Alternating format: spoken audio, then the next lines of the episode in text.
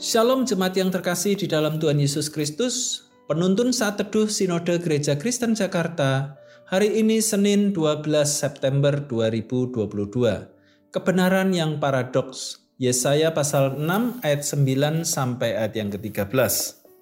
Kemudian firman-Nya, "Pergilah dan katakanlah kepada bangsa ini, dengarlah sungguh-sungguh, tetapi mengerti jangan. Lihatlah sungguh-sungguh, tetapi menanggap jangan."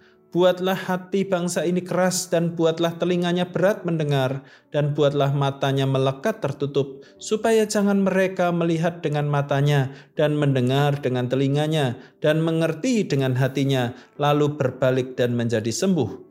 Kemudian aku bertanya, sampai berapa lama ya Tuhan? Lalu jawabnya, sampai kota-kota telah lengang sunyi sepi, tidak ada lagi yang mendiami, dan di rumah-rumah tidak ada lagi manusia, dan tanah menjadi sunyi dan sepi.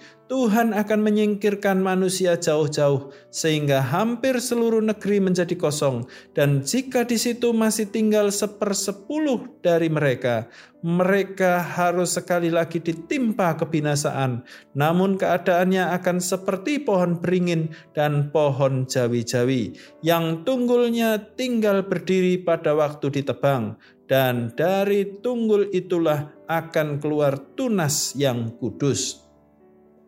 Istilah paradoks merupakan suatu pernyataan yang seolah-olah bertentangan dengan pendapat umum atau kebenaran umum, namun kenyataannya justru merupakan kebenaran yang solid atau kokoh. Ini disebut dengan kebenaran paradoks dan kebenaran paradoks muncul dalam misi yang dikerjakan oleh Yesaya dalam nas firman Tuhan hari ini. Misi ini saya beri istilah misi yang tidak biasa. Setiap pelayanan misi harapannya adalah orang yang dilayani boleh mengerti pesan misi kita, lalu sadar dan bertobat. Itulah harapan umum dari siapa pun termasuk lembaga misi pada umumnya. Namun apakah yang kita temukan dalam teks Yesaya?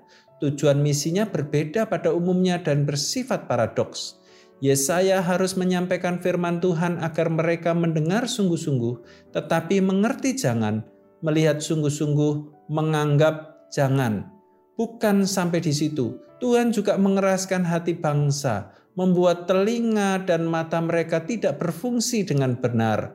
Artinya, Tuhan menghukum mereka dengan membiarkan mereka tidak memahami berita dari misi itu, dan Tuhan menghendaki Yesaya tetap setia melakukan tugasnya, sebab keberhasilan di mata Tuhan itu berbeda dengan cara pandang umumnya. Keberhasilan kita di mata Tuhan adalah kesetiaan kepadanya. Sedangkan berita firman yang didengar oleh bangsa Israel karena ketidaksetiaan mereka yang terus-menerus membawa kedegilan hati mereka sebagai hukuman bagi diri mereka sendiri. Inilah didikan Allah yang sangat keras, bukan berupa pukulan tetapi dengan membiarkan mereka tidak mengerti dan tidak bertobat.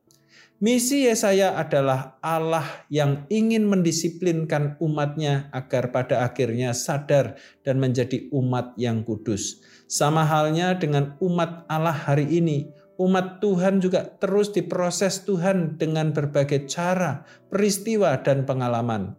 Namun pertanyaan adalah, tetap setiakah jika Allah memanggil Anda menjalankan misi yang tidak biasa dan bersifat paradoks?